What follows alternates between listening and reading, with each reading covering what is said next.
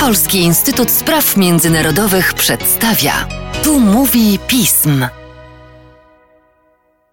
W podcaście Polskiego Instytutu Spraw Międzynarodowych witam Państwa. Ja się nazywam Łukasz Esina, a moim gościem jest Mateusz Piotrowski, czyli może już nie kronika amerykańska, bo póki co wybory w Stanach Zjednoczonych, przynajmniej prezydenckie albo i do kongresu nam nie grożą, to najwcześniej przyszły rok. Ale w największym państwie na świecie w sensie gospodarki dużo się dzieje.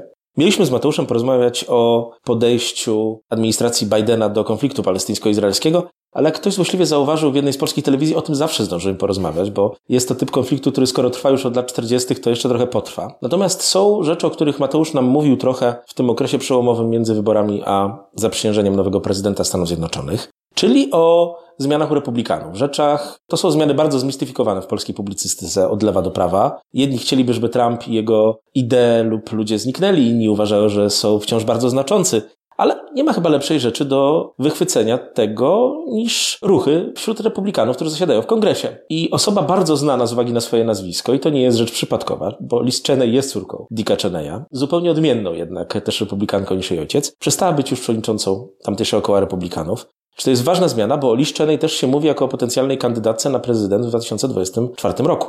Dzięki Łukaszu za te pytania. Zacznijmy faktycznie od tej zmiany, żeby nakreślić jakiś obraz, co się u republikanów dzieje. No, Liz Cheney faktycznie od momentu głosowania, który był takim znaczącym momentem, jeżeli chodzi o stawianie się Cheney w opozycji do Trumpa. Głosowanie o postawienie go w stan oskarżenia w procedurze impeachmentu Wówczas dziesięciu republikanów, łącznie z nią, zagłosowało o, o, takiej decyzji, ale ona najgłośniej grzmiała przeciwko Trumpowi, utrzymała tę retorykę, to nie była tylko kwestia głosowania, ale cały czas, nawet po zakończeniu jego kadencji, podtrzymywała tę retorykę, że... Co musiało go potwornie denerwować, biorąc pod uwagę jego stosunek do administracji jej ojca i George'a Busha. Zdecydowanie tak, to on też to pokazuje. Cheney, mimo że już wspomniałeś o tym, różni się od swojego ojca, no to on jednak podkreśla, że to jest po prostu córka establishmentu, to jest wołanie establishmentu o to, by przywrócić wrócić z, z powrotem mhm. go do władzy, by partia republikańska wróciła na te stare tory, jak jeszcze za, za George'a Busha juniora. Tym skutkiem budowania przez nią tej narracji, że partia republikańska powinna odejść od tak zwanego trumpizmu, no jest oczywiście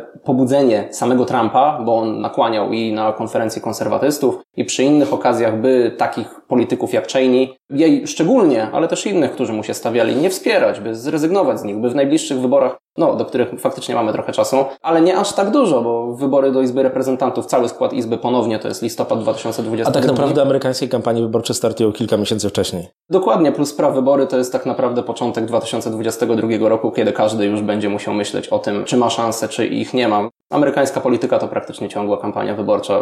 Bardzo lubię taką tezę stawiać. Co do samej Cheney, podtrzymywała tę retorykę, aż się no, doigrała, kolokwialnie mówiąc. Republikanie zagłosowali przeciwko niej, by znieść ją z, z pozycji właśnie przewodniczącej koła republikanów w Izbie Reprezentantów. To nie jest y, funkcja symboliczna, bo to pozycja numer trzy wewnątrz Partii Republikańskiej. Dawała jej no, dużą władzę, jak formować program Partii Republikańskiej, jaka ta przyszłość partii powinna być. A w związku z tym, że inni liderzy Partii Republikańskiej, przede wszystkim McCarthy, lider mniejszości w Izbie Reprezentantów, także Whip y, Scalise, oni uważali, że pozostawienie Cheney na tej pozycji raczej rozbija przekaz Partii Republikańskiej niż go jednoczy i potrzebny jest ktoś nowy. Tą nową osobą jest Alice Stefanik, członkini Izby Reprezentantów także, która no, od pewnego czasu, od 2020 roku co najmniej jest gorącą zwolenniczką Trumpa. Wcześniej taką nie była, ale bardzo się w ten nurt Znamy tę sytuację i z Polski, i z innych miejsc. Ludzie bardzo często ewoluują. To prawda. Alice Stefanik zastąpiła Liz Chain na tej pozycji i to ona będzie teraz właśnie decydować o tym, jaki będzie ten program w Izbie Reprezentantów. Taki bardziej w średnim i długim terminie, bo oczywiście o bieżących decyzjach decydują przede wszystkim liderzy mniejszości. No ale ona będzie miała ten wpływ i co najważniejsze dla partii republikańskiej, oczywiście samej,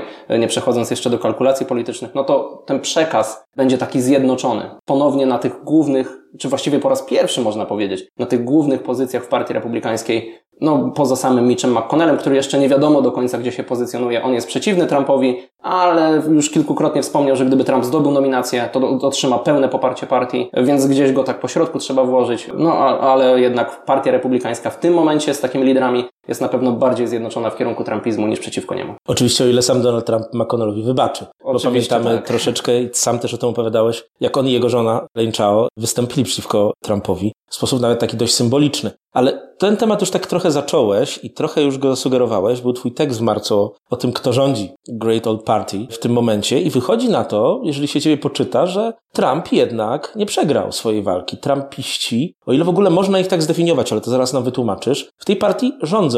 No i to, co mówiłeś przed chwilą, wymiana Czerni na Stefanik jest tego takim ważnym dowodem, ale pewnie jest ich więcej. Zdecydowanie, ale faktycznie ta wymiana teraz aktualnie jest takim y, symbolem, że to nie była pewna euforia, tylko trwająca tuż po wyborach. Donald Trump przegrał, ale my to zmienimy. W tym sensie, że oczywiście Donald Trump wystartuje ponownie w 2024, a nie będziemy dążyć do jakiegoś przewrotu politycznego. To się zmieni. Donald Trump jest naszym y, liderem, mimo że formalnie nie zajmuje naszej pozycji, to traktujemy go jako lidera, on będzie wyznaczał kurs. Tutaj taka zmiana na tym stanowisku no, potwierdza to, że republikanie dalej, no bo jednak minął kwartał ponad odkąd ta prezydentura Trumpa się zakończyła. Oczywiście to nadal nie jest, nie jest dużo czasu, ale jednak pokazuje, że jakaś ciągłość póki co przez republikanów w tym dążeniu, podążaniu za Trumpem i za jego dziedzictwem jest jak najbardziej widoczna. I to się raczej będzie dalej przewijać. To jeszcze, jeżeli mogę się tej Cheney... To, też... to jest w ogóle bardzo ciekawa polityka, która symbolizuje, że partia republikańska nie wygląda tak, jak niektórzy w Polsce myślą, że wygląda. Nawet jeżeli popiera się Trumpa lub nie. Tak, to prawda. W ogóle jeszcze może o niej samej, bo wspomniałeś o tym, czy ona ma szansę, w, znaczy, że może rozważać start w wyborach. To jest pewna symbolika kulturowa, bo jednak prawdopodobnie kandydatem za trzy lata będzie kobieta.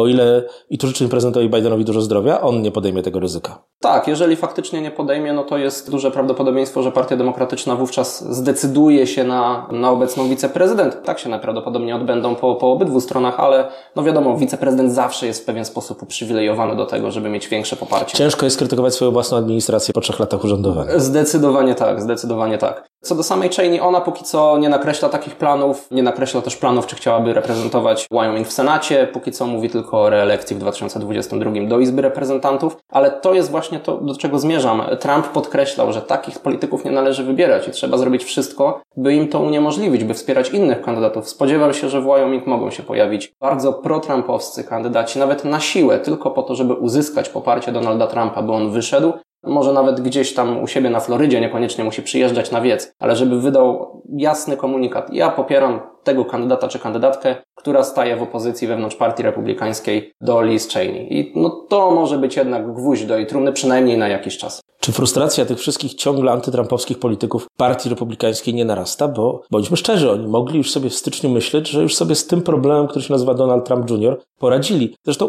podejrzewam, że to nie jest tylko frustracja ich, ale także przeciwników Trumpa z innych środowisk. Trump ma się dobrze i wygląda na to, że zacznie powoli do polityki wracać. Tak, faktycznie, chociaż pojawiają się już głosy spoza polityki oczywiście, mhm. różnych osób związanych tak luźno z partią republikańską, że Donald Trump może być w 2024 w ogóle za stary. Choć wiemy też, jak to się zmieniło ostatnio, jeżeli chodzi o zasady. Tak, oczywiście. Jeżeli nie ubędzie mu wigoru i energii, jaką prezentował jeszcze w tej kampanii, a szczególnie w 2016 roku, no to nie ma się co tym wiekiem martwić. Na pewno wyborcy, do wyborców Trumpa nie trafi nagle argument, że Donald Trump się zestarzał. No zobaczymy, tutaj nie będziemy przecież prorokować, jak jakiej formie utrzyma się Donald Trump fizycznej i psychicznej. Nie o to chodzi, ale sam fakt, że on jednak ma, pomimo braku dostępu do platform medialnych, które jednak no, były ogromnym nośnikiem jego ruchu, a jednak jest cały czas, podtrzymuje się w, w sercach i umysłach tak naprawdę właśnie swoich wyborców republikańskich, no jest wyraźnym sygnałem tego, gdzie partia republikańska zmierza, że tu jednak nie ma tego odwrotu. To, że Donald Trump zniknął, nie pojawia się na wiecach, bo, no bo nie ma wieców, politycznie i tak nie bardzo można póki co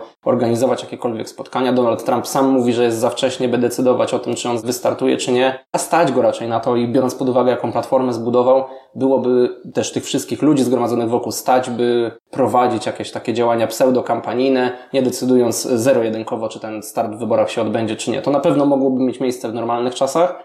Mimo wszystko, pomimo braku tych działań, Donald Trump i tak skupia bardzo swoją uwagę poza innymi nazwiskami, które się pojawiają, jak Mike Pence, Nikki Haley, Mike Pompeo oczywiście, e, no te wszystkie nazwiska wybrzmiewają i zbierając je wszystkie razem, często gęsto w tych sondażach, które są póki co przeprowadzane, które tak naprawdę nie wskazują, na kogo ci ludzie zagłosują w 2024 mhm. w prewyborach, ale jednak pokazują, za kim chcą przede wszystkim podążać, no to ci wszyscy pozostali kandydaci bardzo często nie mają nawet takiej samej puli głosów, jaka jest, e, to znaczy procentowego rozkładu głosów, jaka jest przekazywana przez wyborców na, na Donalda Trumpa. No to wskazuje, że przynajmniej póki co e, Donald Trump jest tą przyszłością partii republikańskiej. Oczywiście bez niego będzie ciężej, ale sam, sama idea tego trumpizmu, tych jakichś takich idei, które republikanom przyświecały i tak od lat, bo to trzeba powiedzieć, trumpizm nie jest zupełnie odrębną rzeczą od tego, co, co partia republikańska lubiła, ale doszło do pewnych zmian, oczywiście większy, większy izolacjonizm w handlu, też w polityce międzynarodowej, co ważne i to trzeba podkreślić. Duża transakcyjność, która też w polityce amerykańskiej zawsze była obecna. Ale nigdy tak bardzo. I Tak była jest. maskowana Otóż to- wieloma rzeczami. Tak, tak. Natomiast Donalda Trumpa została wybita często na pierwszy plan.